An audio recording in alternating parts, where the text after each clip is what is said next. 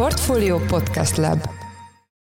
Nem tud mindenki az ötödik kerületbe felújított vagy új építésű lakásba lakni, nagyon sokaknak messzebb kell lakniuk, vagy kisebb lakásba, vagy más minőségbe,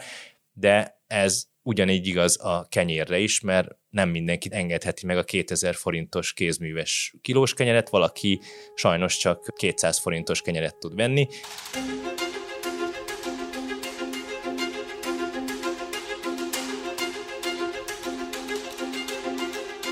Jó napot, sziasztok! Ez a Portfolio szerdánként megjelenő heti podcastja november másodikán. Én Orosz Márton vagyok a műsor házigazdája, és az ingatlan piacról, konkrétabban a lakáspiacról fogunk beszélgetni a következő percekben, ugyanis érdekes folyamatok zajlanak mostanában ezen a téren, úgyhogy szerintem érdemes figyelnie mindenkinek, aki mostanában lakást vagy házat venne, vagy eladna, vagy ezzel foglalkozik, ezen a piacon dolgozik, esetleg befektet ezen a piacon. Vendégem pedig Ditrói Gergely, a Portfolio ingatlan rovatának vezető elemzője. Szia Geri, köszöntelek a műsorban. Köszöntöm és a hallgatókat, örülök, hogy itt lehetek. És hát kezdjük onnan, hogy bár hivatalos statisztikák még nincsenek itt a negyedéves, a harmadik negyedéves lakásárakról, de ugye írtatok arról több cikket is, hogy az értékesítői tapasztalatok szerint az idei első fél és a tavalyi, tavalyi évet jellemző áremelkedés után szeptember óta gyakorlatilag teljesen megállt a piac. Úgyhogy vágjunk is itt, itt bele itt a, a, itt a közepébe. Mi okozta ezt a, ezt a lassulást, vagy szinte leállást?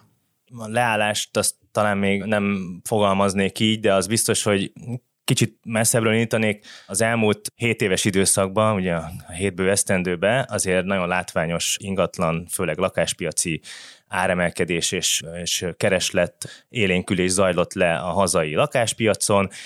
először nyilván Budapestre koncentrálva, majd a pandémiának köszönhetően átterelődött a, a, a hangulat inkább az agglomerációra és a vidéki, balatoni vagy tavi, meg folyó környéki ingatlanpiacra, tehát egy nagyon izgalmas hét éven van túl a lakáspiac, nagyon felfokozott kereslettel, nagyon felfokozott támogatási rendszerrel, felfokozott vásárlási és befektetői hangulattal, ami azt eredményezte, hogy mostanra nagyságrendileg két és fél szereződtek az árak, ez egy átlagszám, nyilván különböző területeken, különböző ingatlan típusok másfajta áremelkedést könyvelhettek el, de országosan, átlagosan 2015-höz képest ma jelenleg a hivatalos adat szerint két és félszer ér annyit egy négyzetméter lakás, mint ért 2015-ben. Hogy az elmúlt, hát most már két-három évben folyamatosan hallatszódnak olyan hangok, nyilván különböző mértékben, és sokan akár pozícióból beszélve is próbálják a maguk számára, vagy a szerintük következő időszakra várt folyamatokat így megjósolni, meg, meg beárazni, mi fog történni a piacon. Ennek következtében már azért sokan mondogatják, egyre többen, egyre hangosabban, mi is a ha figyeljük a saját cikkeink alatt lévő komment folyamokat, akkor látjuk az érveket, ellenérveket. 10 millió lakáspiaci szakértő országaként mindenkinek nyilvánvalóan megvan a vélemény arról, hogy szerintem milyen irányba fognak a folyamatok haladni, és már régóta van, hogy akkor lakására lufi van itt, ki kell pukkanjon, döbbenet, amit zajlik ebbe az országba, ilyen árak, nonsens, és aztán van a másik oldal, aki meg másfajta érvek mentén igazolja, hogy már pedig nincs is jobb befektetés ennél. Ez a legértékállóbb, nyilván ilyen makrokörnyezetben, ilyen támogatási környezetben, ilyen munkaerőviszonyi és béremelkedési környezetben teljesen jogosak ezek, a, ezek az ár növekedések, és akkor ebben örlődik igazából mindenki, meg, a, meg az elemzők is, és a piac is, és hát nyilván próbáljuk figyelni, hogy akkor a folyamatok hogyan alakulnak. És akkor eljutottunk tulajdonképpen az elmúlt Hát igaz, a pandémiával kezdődött az, hogy akkor itt most minden össze fog omlani, és ki fog pukkadni. Egyébként a pandémiát megelőző utolsó negyed évben, tehát 19 Q4-ben a budapesti nominál lakásárak éppen akkor negyedév alapon csökkentek, és ez egy átmeneti helyzet volt akkor, bár hát onnantól kezdve, hogy voltak, akik bár több mint egy évvel ezelőtt is ugye jósolták, hogy most már tényleg mindennek vége, és be kell zuhanni az áraknak, ahhoz képest is még egy ilyen 20-30 százalékkal sikerült följebb menni nominál árakban, és ugye azért nagyon fontos mindig, hogy nominál, meg reál, meg hogy most új lakásról beszélünk, vagy használt lakásról, vagy társasháziról, vagy családi házról. Ugye ez az egyik legmegtévesztőbb általában a médiában is, meg, meg úgy általában az embereknek a mindennapi gondolkodásába, főleg amikor csak híreket, vagy a híreknek a legtöbbször csak a címét olvassák el, és abból mondjuk következtetéseket vonnak le, hogy az ingatlanpiac az nyilván bőven nem csak a lakáspiacról szól, de a lakáspiac is rengeteg szegmenssel rendelkezik, és amikor azt hallja valaki, hogy csökkenés van, hogy visszaesés van, akkor az rengeteg mindenre vonatkozhat, és egyáltalán nem biztos, hogy az árakra vonatkozik. El kell olvasni a cikket, és lehet, hogy az van benne, hogy az építési engedélyeknek a száma csökkent, lehet, hogy az van benne, hogy a tranzakciók száma csökkent, lehet, hogy az van benne, hogy az új építésű átadásoknak a száma csökkent, tehát nagyon sok minden csökkenhet, meg növekedhet a lakáspiacon, és nem feltétlen mindig az árakról van szó, és még ha az árakról is van szó, akkor sem feltétlen biztos, hogy arra a kategóriára értendő, és a használt családi ház, vagy az új építésű társasház, és Budapesten, és vidéken, és nyaralóvezetben, tehát nagyon sokfajta kérdés, és nagyon sokfajta szempont, meg, meg alpiac van itt a lakáspiacon, amit jó megvizsgálni, hogy tudjuk, hogy, hogy miről is beszélünk pontosan. Tehát azért vezettem föl ilyen hosszan, mert nagyon különböző kategóriák, nagyon különböző helyzetek, nagyon különböző alpiacok vannak a lakáspiacon belül is, és amikor azt mondjuk, hogy fú, most akkor kidurran valami, vagy most akkor az esni fog, vagy, vagy mi lesz vele, akkor nem mindegy, hogy miről beszélünk, és nagyon fontos látni és tudni azt, hogyha valaki mond valamit, akkor azt mire mondja, úgy általában mondja, mert hogy csak úgy kell mondani valamit, mert a társaságban ezt elvárják tőle, vagy pedig azért mondja, mert hogy konkrétan tudja az összes faktort végigvizsgálva, hogy arra az adott szegmensre valószínűleg mi lesz a következő időszakban a jellemző. Hát igen, de én ezt egyébként a gyakorlatban is látom, amikor beszélgetek veletek az ingatlan rovatos kollégákkal, akik gyakran azért hát minimum felkapjátok a fejeteket, hogyha láttok egy-egy ilyen provokatív szalagcímet, vagy, vagy hát hogy is mondjam, csak rosszallóan hümmögtök, hogyha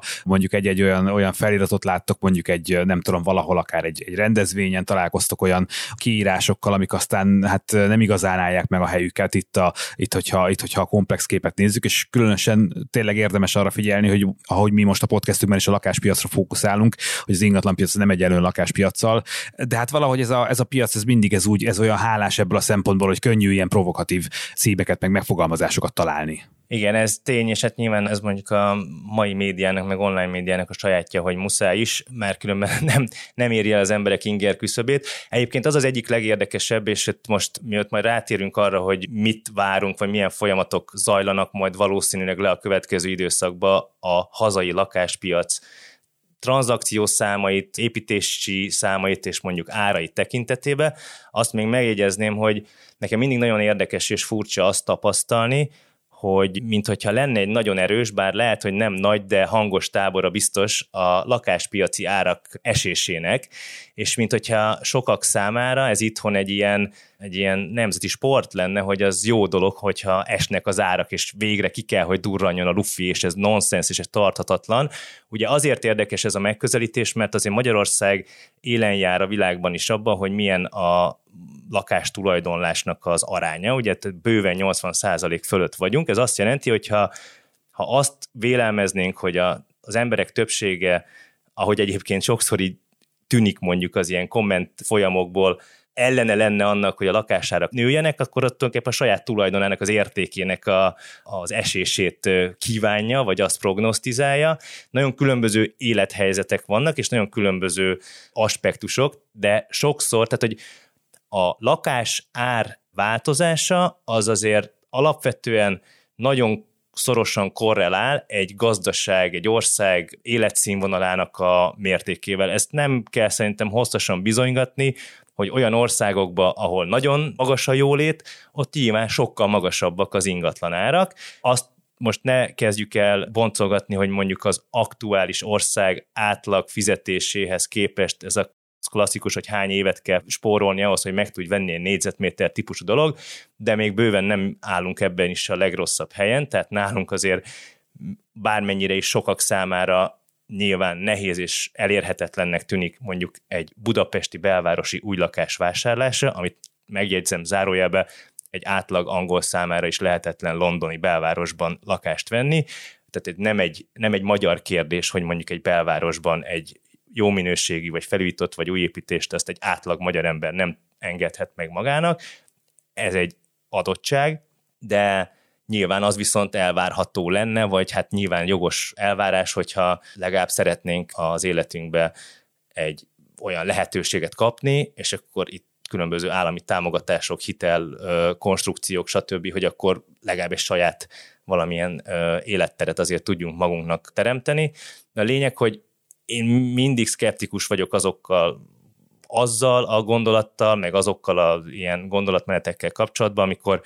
kvázi ilyen erőltetetten akarjuk azt, hogy, hogy zuhanjanak az árak, pukkadjon ki a lufi. Itt az lakáspiaci árak, és a, ha létezik ingatlanpiaci lufi, vagy lakáspiaci ár lufi, ha az kipukkad, akkor az nem önmagától, vagy önmagáért fog kipukkadni, hanem olyan negatív körülmények miatt, amik egyébként más szempontból is sújtják mondjuk az ország gazdaságát, vagy a országban élőknek a anyagi lehetőségeit, tehát hogyha valaki ezt kívánja, akkor tulajdonképpen egy, egy, egy látványos recessziót és egy, egy, egy be, begyűrűző rosszabb életet kíván tulajdonképpen a, a lakosság egy jelentős részének, úgyhogy én ezen nagyon óvatosan bánnék, hogy mit szeretnénk a lakáspiacon látni és tapasztalni. Vannak olyan folyamatok, ahol már valóban az érzékelhető, hogy ez már szinte lehetetlen, hogy, hogy erre legyen kereslet. Gondolok itt például az új lakásoknál azokra, amik 3-4 millió forintos négyzetméteráron vannak, de azt is be kell látni, hogy ez egy nagy ország, ahhoz képest, hogy ahhoz képest, ahhoz képest kicsi. Ah, igen, ahhoz képest, hogy kicsi, ahhoz képest nagy. Tehát itt 10 millió, közel 10 millióan élünk, hogyha az ember azt gondolja, hogy ő az egyetlen, és az ő élethelyzete az általános, akkor valószínűleg téved, és nem épül túl sok lakás Magyarországon, sőt, rendkívül kevés lakás épül Magyarországon, bármennyire is soknak tűnik ahhoz képest, hogy mondjuk mi olyan helyzetben vagyunk, hogy egyet se tehetünk meg, hogy még csak a közelébe érjünk, hogy megvásároljuk. Ez nem sok ez a lakás, és nagyon sok olyan ember van ebbe az országba, darabszámra, több százezren, akiknek az elmúlt időszakban sikeres karrierjük volt, akár külföldi cégeknél, akár olyanok, akik most külföldi cégeknek dolgoznak, és mondjuk euróban, vagy dollárban, vagy svájci frankban kapják a fizetésüket, és csak pár olyan példát akartam felsorolni, amikor ki kell tudjunk szakadni az általunk reálisnak gondolt képből, és egyszerűen be kell látni azt, hogy alapvetően azért vannak lakásfejlesztések, és azért árulják ennyiért, mert hogy igenis van rá valamilyen kereslet, és ez, ez tud működni. Itt még hangsúlyozom, hogy most nyilván van egy fordulópont, és ez az eddigi időszakra vonatkozott leginkább, amit mondtam. Valóban a mostani helyzet a energiaválsággal kapcsolatos, vagy az energia ár nehézségekkel, ugye ez még ilyen folyamatban lévő dolog, ugye majd meglátjuk nem tudom, márciusra, hogy akkor pontosan ez hogyan alakult egy-egy család életébe, de hát nyilván a vállalkozásoknál már ez begyűrözött, a magánembereknél ugye ez kérdéses, de az, hogy kvázi megszűnőben van jelenleg így a, a hitelezés, az valóban okoz látványos hatásokat, és itt nem csak a magánemberek hitelezése, hanem adott esetben magáknak a fejlesztőknek projekthitelezés, tehát a vállalati hitelezés is egy komoly pofont kap éppen, vagy, vagy fog kapni, tehát ez, ez, ebbe benne vagyunk, ez épp a jelen, és ez milyen hatásokkal fog járni, ezt majd a következő hónapokban meglátjuk. Hát igen, azért itt sorolhatnánk egyébként, hogy a munkaerő például alapanyag, és akár egészen, a, egészen az energiaárakig is elmehetnénk, ami azok, azokban a tényezőknek a sorolásában, amik hatással lehetnek a, a magyar lakásárakra, de akkor maradjunk már, én egyet kiragadnék, ez az energiaárak, itt a bőzetesen emelkedő rezsiárak. Néhány hónapja beszélgettem egy, egy ingatlan értékesítővel, és ő azt mondta, hogy azt látja a piacon, hogy azok a budapesti, főleg belvárosi ingatlanok, amelyek ilyen régi típusú klasszikus bérházi ingatlanok, mondjuk a nagykörút úton és környékén, de egyébként a városban számos területet találtunk ilyeneket, azokat borzasztó nehéz lesz értékesíteni a következő időszakban. Hát nagyon leegyszerűsítve azért, mert rendkívül drága a rezsijük, nincsenek szigetelve, vagy rosszul vannak szigetelve. Ugye ez a hatalmas belmagasság miatt felfűteni egy ilyen lakást azért az komoly kihívás, és ez akár az egész piacra valamilyen hatással lehet. Ez mennyire helytálló ez a, ez a kijelentés? Ti, ti szakértőként hogy, hogy látjátok ezt? Teljesen egyértelmű, és valóban ez így van, hogy két idézőjelben, vagy nem is idézőjelben, konkrétan vesztese, két típusú alpiac lehet a nagy vesztes ennek a jelenlegi helyzetnek, a nagy alapterületű, főleg agglomerációs vagy vidéki, de az agglomerációt azért emelem ki, mert hogy ott intenzívebb a piac, és ott valóban a tranzakciós szám az, az magasabb. Tehát egy olyan, olyan típusú nagy családi házak, amik azért nem a legkorszerűbb nyilászárókkal, szigetelési rendszerrel vagy gépészettel vannak felszerelve. Nyilván erről a kérdésről szerintem, aki ezt a podcastet hallgatja, biztos, hogy az elmúlt pár hónapban milliónyi információt kapott, és magától is tud. Tehát nem akarok ebbe hosszan belemenni. A másik meg valóban ezek a ezek a bérházak, ahol nagyon sok eset, esetben főleg idősebb, tehát mondjuk a három gyerekes családi támogatásból éppen már bőven nem részesülő,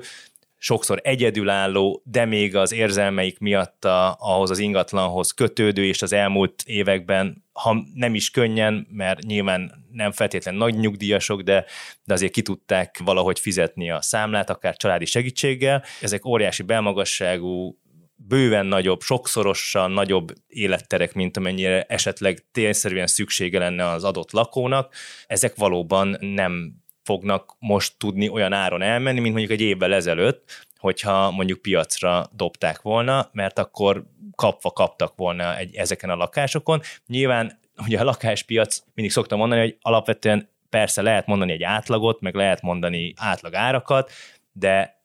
a lakáspiac az nem olyan, mint egy, egy tőzsde, ott egy egyéni ember, egyéni eladói preferenciái és egy egyéni ember, család, egyéni vásárlói preferenciáit kell, hogy találkozzanak, milliónyi apróság, szempont, ugye ez egy fizikai dolog, ott a hangulat, a szagok, a tárgyak, a kilátás, és akkor tényleg a végtelenség lehet ragozni, Nyilván lehet befektetési termékként is gondolkodni róla, nagyon kevesen vannak ebbe az országban, akik szakmai jellegű befektetőnek, vagy akár egyedi befektetőnek számítanak, és tudnak és akarnak lakásba megtakarítást tartani, tehát ez egy alacsony számú kör, de minden esetre nyilván létezik, tehát ez a, ez a piaci intézményi befektetési dolog, ez ugye nálunk azért nem igazán létezik, sőt nem, nem létezik egyáltalán, ami egyébként tőlünk északra is akár, vagy nyugatra főleg létezik, ezért is van ugye a tulajdoni állomány százaléka olyan magasan, de alapvetően ezek a, ezek, ezek a, a befektetők, vagy ezek a vásárlók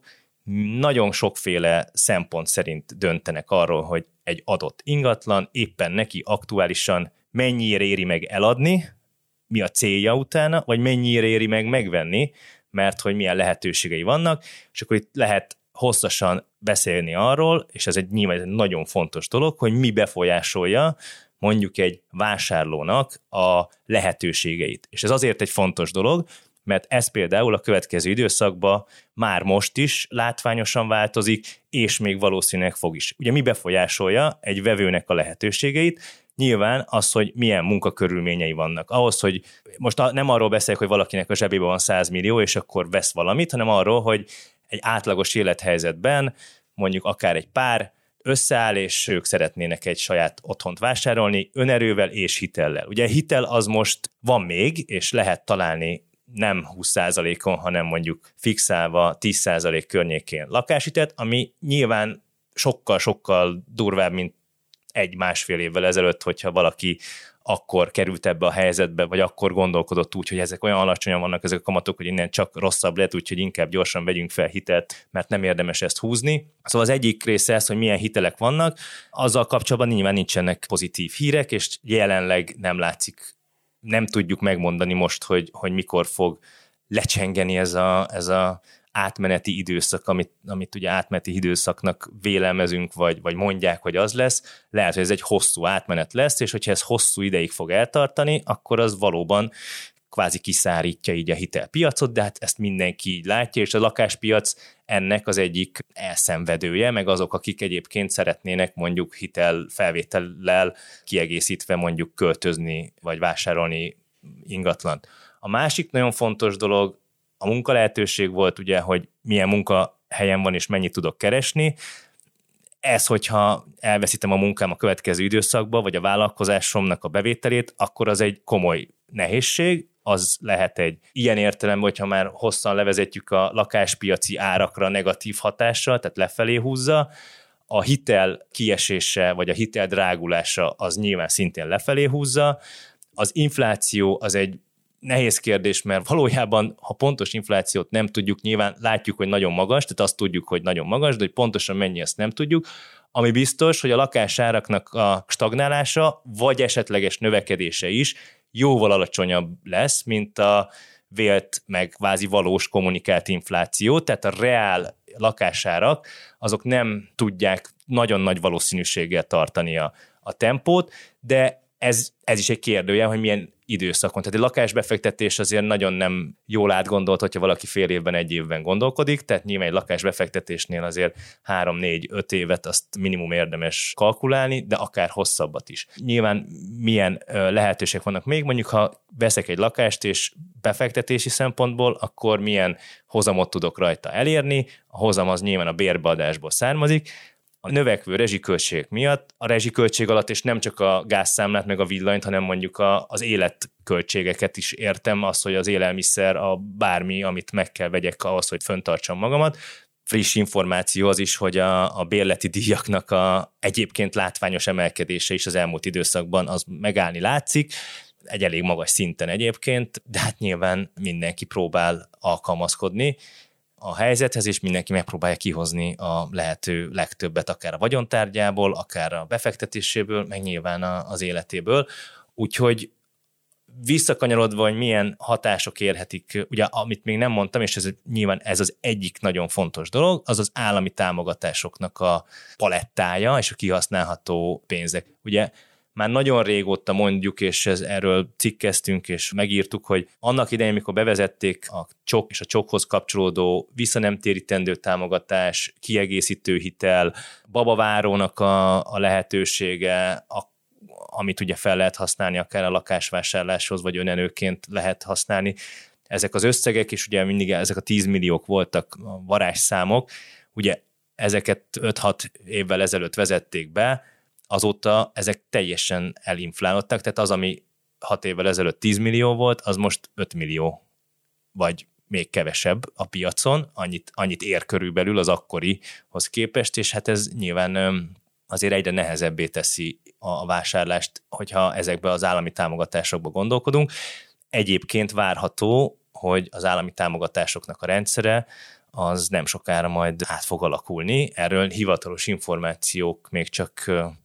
ilyen megjegyzés szinten, vagy ilyen lábjegyzet szinten vannak, de nagyon nagy a valószínűsége annak, hogy nem sokára egy újfajta családtámogatási rendszer, és ugye főleg a családokhoz köthető támogatási rendszer fog felállni, vagy, vagy kialakulni, és akkor ez persze nyilván a, mondjuk az egyedülállókat annyira nem segíti, akiknek, ha nem gondolkodnak mondjuk család alapításba éppen, akkor nincsen túl sok extra támogatásuk, de na mindegy, szóval, hogy a lényeg, hogy, hogy alapvetően ezek a mutatók, ezek a indikátorok a lakáspiacon, amik egyébként tolták, húzták fölfelé, ezeknek egy nagy része valóban negatív irányú hatást mutat most, és amire én számítok, az elsősorban tranzakcióknak a látványos visszaesése darabszámba, ez nyilván tényszerű is, nem kell erre számítani, tehát ez van, a, a kereslet visszaesik, viszont most egy ilyen vákumos időszakban vagyunk, amikor még, még nincsen akkora nyomás az eladókon, és nincsen akkora pénzügyi nyomás sem, mint annak idején a 2008-as válságkor, amikor ugye nagyon sokan deviza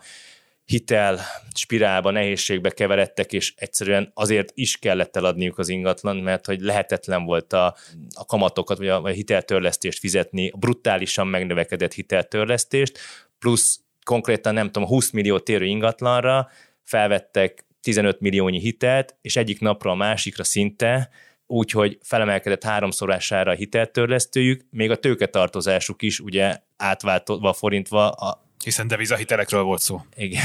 Kétszer annyi volt, mint amennyit ért az ingatlan, és hát rengeteg drámát láttunk akkoriban, hogy, hogy ez, ez, ez milyen nehézséget okozott, nem is véletlenül lett ugye a megmentés, stb ilyen típusú dráma, ilyen típusú nyomás egyelőre nincsen, és ez kérdőjeles lesz, hogy mekkora mértékben, mekkora számban, százalékban lesznek azok az eladók, akik nem akarnak, nem tudnak várni erre a feloldásra, ami majd jöhet. Nem tudjuk, mikor jön, de ha jön majd erre a megoldódó időszakra, vagy erre a nyugalmasabb időszakra, de nem számítunk, vagy én legalábbis nem számítok arra, hogy olyan szintű dráma legyen, mint ami volt 2008-ban, tehát nem számítok arra sem, hogy nagyon látványos összlakáspiaci árcsökkenés legyen. Az, hogy az inflációval várhatóan nem fogja tartani a következő egy-két évben a lakásárak növekedése az ütemet, az mondjuk úgy, hogy szinte borítékolható, de hát nyilván az elemző az csak próbálkozik, aztán majd az élet hozza, hogy igaza lesz, vagy nem. Igen, beszélünk itt majd mindjárt arról, hogy milyen tanácsokat adnál azoknak, akik most rágnak bele lakásvásárlásba, de egy picit maradjunk már az ingatlan fejlesztőknél, és itt nekem ezzel kapcsolatban lenne több kérdésem is. Egyrészt, hogy azt feltételezném, hogy azáltal, hogy nő a kereslet azok iránt, a lakások iránt, amik, amik nagyon energiahatékonyak, alig használnak fel energiát, és sokkal, sokkal kevesebb rezsit kell utánunk fizetni, azt feltételezném, hogy ez azt generálja, hogy, hogy nagyobb számban indulnak lakásfejlesztések, pont ilyen, ilyen szuperenergia takarékos új építésű lakásokat kezdenek el fejleszteni nagy számban, hiszen nagyon nyilvánvaló, hogy ez a jövő, Persze ezt tudjuk már egy ideje, de most aztán tényleg, tényleg még szembe ötlőbb ez mindenki számára. És ezzel párhuzamosan, ugye, hogy jól lehetettem egyébként, ez azt mondod, hogy nem feltétlenül, sőt, inkább nem növekszik az új építésű lakások aránya Magyarországon, de hogy, de hogy mondjuk milyen, milyen kihívásokkal kell szembenézniük a lakásfejlesztőknek. Itt például az a leg, legfájóbb dolog az lehet, hogy csak irgalmatlan drágán kapnak majd hitelt? Az első kérdésre a válasz az az, hogy elvben nyilván ezeket keresnék, csak hogy ezek ugye új építésű, és az új építés az anyagok miatt, és a gépészet miatt, és a technológia miatt, és egyébként sok minden menedzsment költség miatt, és az összes ilyen dolog miatt nyilván jóval drágább, mint a, mint a használt. Vagy abból a logikából indulva, hogy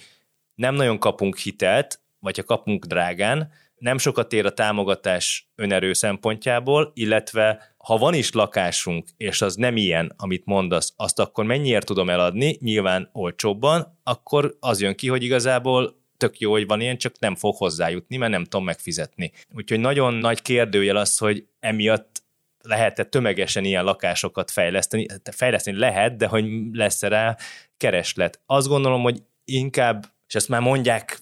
meg mi is mondjuk évek óta nagyon fontos konferenciákon is évek óta beszélgetünk arról, hogy a felújítás, az energiahatékony és energiatudatos felhasználás, tehát, hogy nem, én nem kizárólag az új építésben látom a lehetőséget, talán fontos lenne az, hogy úgy átalakítani a szabályozást, hogy ne nagyon tudjon egy-egy lakó keresztbe tenni mondjuk egy ilyen típusú felújításnak. Az új építésű lakásokra való igény az szerintem, főleg az energia tudatos vagy energiahatékony új építés az magas, magas is lesz. Alapvetően az új építésű lakásra magas lenne az igény, a lehetőség alacsony általában, nem az igény, hogy ilyen épületekben vagy ilyen ingatlanokban lakjanak az emberek, de nem látom azt, hogy egyébként könnyen meg tudnák fizetni, és azt se látom, hogy mondjuk az ingatlan fejlesztők milyen hitelkonstrukciókba és milyen megtérülésekkel tudnak most számolni, kapnak-e hitelt, kik kapnak hitelt, hát a bankok alapvetően a beszélgetésekből azért az derül ki, hogy hát legjobb esetben is csak a legnagyobb és legbiztonságosabb fejlesztőkkel hajlandók most tárgyalni, és az sem lesz olcsó nekik, mint a fejlesztőknek.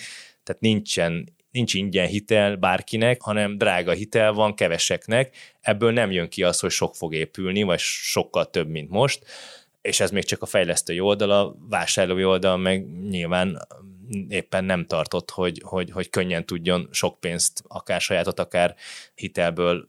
erre alokálni. Úgyhogy nem arra felé mutat a dolog, hogy bármennyire is nagy az igény erre, ez akkor a darabszámokban is megnyilatkozzon, vagy, vagy látható legyen. Ez egyébként, tehát ugye alapvetően ugye a közgazdasági alapelvek mentén a, a kereslet kínálat, tehát hogy ha valamiből meg kevés van, de nagy rá az igény, nyilván nem tudjuk, hogy milyen lehetőségekkel, akkor ott, ott valami ár fog találkozni, tehát hogy onnan fog kiderülni, hogy mennyit ér, hogy, a, hogy mennyi van belőle, és mennyien keresik, és azoknak milyen lehetőség vannak. Nyilván, hogyha jó lehetőségei lennének a fogyasztói oldalnak, akkor, akkor valószínűleg próbálnának minél többet termelni, vagy, vagy előállítani abból a termékből. Úgyhogy persze ez nagyon fontos, mindenki ezt szeretné, úgy látszik, hogy sajnos nem használtuk föl az elmúlt időszakot arra, hogy az egyébként már tudva levőlegesen Európában, vagy máshol, nem Magyarországon azért az energiaáraknak a volatilitása és, a, és az, hogy ezzel lehet adott esetben majd gond, probléma, és fontos lenne ez a, ez a, a zöld, nem olyan szempontból zöld, hogy most mindenképpen a, a bolygót mentő zöld, hanem a saját érdekeinkért zöldülés, hogy az energia tudatosság és hatékonyság megvalósuljon, ez így elmaradt, és hát most a, a bajban ocsudunk, és próbálunk valamit tenni, de majd hát meglátjuk, hogy milyen gyorsan sikerül. Én azt sem tartom kizártnak, hogyha ez a helyzet ez kvázi normalizálódik, és mondjuk ugye, ahogy látjuk a gázárnak a változását, ugye megint 100 alatt van, és visszaesett a háború előtti szintekre tulajdonképpen. Nyilván mert éppen már nincs annyi kereslet, mert a tárolókat sikerült viszonylag jól föltölteni, de a lényeg, hogyha mondjuk stabilizálódik újra egy alacsony szinten az energiár, nem tudom, hogy akkor például hirtelen elfelejtjük-e, hogy volt egy ilyen dolog, és akkor fetszülünk-e abba pénzt magánemberként, hogy, hogy olyan ingatlant vásároljunk, vagy újítsunk fel a sajátunkat, ami jobban véd. Lehet, hogy hamar elfelejtjük, hogy, hogy volt egyszer magas is az ár. Remélem nem, abba bízom, hogy nem, és minél energia fenntarthatóbb és tudatosabb ingatlanok lesznek az országban. Geri, utolsó kérdésként, hát hogyha már itt vagy, akkor mindenképp beszéljünk arról, hogy, hogy milyen tanácsokat adnál azoknak, akik lakásvásárlásban gondolkodnak, mire figyeljenek egy ilyen, egy ilyen hát extrémnek is mondható környezetben, piaci környezetben, belemerjene vágni a mostani környezetben valaki egy lakásvásárlásba, és ki az, aki egyáltalán belemerhet vágni, mondjuk milyen szempontokat vegyen figyelembe, mielőtt úgy dönt, hogy, hogy költözne, és, és új lakás lakást venne, használt lakást venne, miket kell most 2022 őszén átgondolni? Nagyon nehéz a kérdés, nagyon nehéz rá jól válaszolni. Ha én, ha én mondjuk befektető szempontból nézném a dolgot, vagy pedig úgy befektetőként, hogy mondjuk nem befektetési lakást akarnék, de mondjuk lenne elég önerőm hozzá, hogy vásároljak, és te kvázi zsebből, hitel nélkül, támogatás nélkül tudnék akár saját használatra, nem kiadásra vásárolni, akkor én szerintem jelen pillanatban a látható kínálati árakhoz képest egy nagyon szemérmetlen alkuval mennék a, az eladóhoz, és azt mondanám, hogy holnap kifizetem, itt a cash, de 20-30 százalékkal olcsóbban erre én azt gondolom, hogy a legtöbben azt mondják, hogy nem. Mert hogyha én eladó vagyok ma, akkor nem látom azt, hogyha csak nem valami extrém élethelyzetem van, ami miatt azonnal bármiáron, de nekem értékesítenem kell az ingatlant, akkor én belemennék egy ilyen típusú árcsökkentésbe, kivárnék. És valószínűleg, mivel sokan talán maguktól is erre a következtetésre jutnak, hogy próbáljanak meg lehetőleg nagyot alkudni, majd sokan arra a következtetésre jutnak, hogy mi van, hogyha akár most majd valamikor stabilizálódik a helyzet, meg majd tavasszal esetleg akkor már nem fogja az embereket így nyomni ez a válság hangulat, meg az energia problémák, meg tehát, hogy talán jobbá válik a, a környezet és a világ, akkor majd nem akarnak ennyit alkudni. Én mindenképp megpróbálnék vásárolni, de azt gondolom, hogy nem, nem tudnék könnyen, vagy nem tudnék olyan áron vásárolni, amilyen áron én most szeretnék. Tehát a tanácsom alapvetően az, hogyha valakinek van önereje, valakinek van megtakarítása, az nagy áralkúval próbálkozzon, de ne lepődjön meg, hogyha ezt az ár alkut ezt nem sokan akarják akceptálni, és inkább azt mondják, hogy kívánnak. Emiatt vélelmezem azt, hogy nem nagyon lesznek tranzakciók, mert hogy nem nagyon lesz, az nem azt jelenti, hogy három lesz, hanem az azt jelenti, hogy a 20 ezer helyett lesz tízezer. Tehát, hogy lesznek tranzakciók, lesznek adásütek, vannak folyamatosan élethelyzetszerű változások. Ha valakinek most van családalapítás előtt, akkor meg kell nézni, hogy milyen lehetőségek vannak, ki kell használni az adott helyzetben számára elérhető mindenféle kedvezményt, meg támogatást, és azzal, ö, azzal szerintem kell menni előre. Tehát egy élethelyzetszerű szituációban kell a lakás, vagy kell a költözés, akkor, akkor azt meg kell lépni, nem, nincs mit gondolkodni, nincs mit törődni, nyilván be kell lőni a lehetőségeket, tehát megint visszakanyarodhatunk az elejére, nem tud mindenki az ötödik kerületbe felújított vagy újépítésű lakásba lakni, nagyon sokaknak messzebb kell lakniuk, vagy kisebb lakásba, vagy más minőségbe,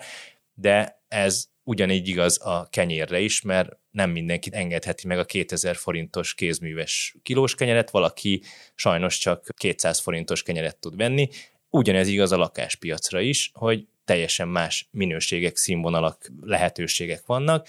és hát nyilván meg kell találni mindenkinek a sajátját, de nem mondanám azt senkinek, akinek ilyen helyzete van, hogy, hogy ne csináljon most semmit, próbálkozzon, és lehet, hogy keresni kell, ajánlatot kell tenni, és hogyha olyan a helyzet, akkor, akkor vásárolni kell. De még egyszer mondom, hogy nagyon, nagyon nehéz erre a kérdésre most jól válaszolni, mert lehet, hogy két hónap múlva teljesen más világ köszönt ránk, és könnyen lehet, hogy jobbá válik a helyzet, vagy legalábbis felcsinnan a remény arról, hogy rövid időn belül jobb legyen a helyzet, azért megint egy új irányt nyithat, tehát szinte lehetetlen jót tanácsolni, kizárólag egyénileg, kizárólag egyéni preferencia alapján lehet bármit is mondani, akár eladói, akár vevői oldalon.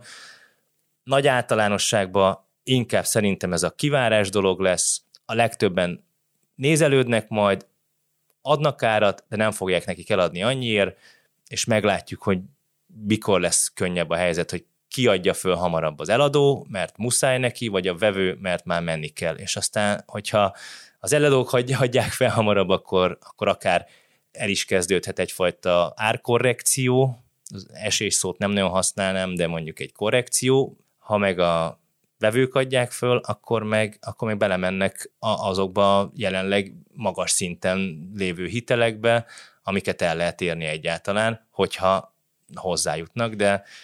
de lehet, hogy akkor meg nem lesz tranzakció. Természetesen folytatjuk a témát, és folyamatosan követjük a lakáspiac történéseit a portfólión, úgyhogy, úgyhogy olvassatok minket. És én köszönöm szépen Ditrói Gergelynek, a portfólió vezető ingatlanpiaci elemzőjének, hogy itt volt velem a heti podcastben. Ez volt a portfólió szerdánként megjelenő heti podcastja november másodikán. Ha tetszett az adás, akkor iratkozz fel a portfólió podcast csatornájára a nagyobb podcast platformokon, hogy mindig időben értesülj az új epizódokról. Én Orosz Márton vagyok, új adással jövő héten szerdán jelentkezünk. Sziasztok!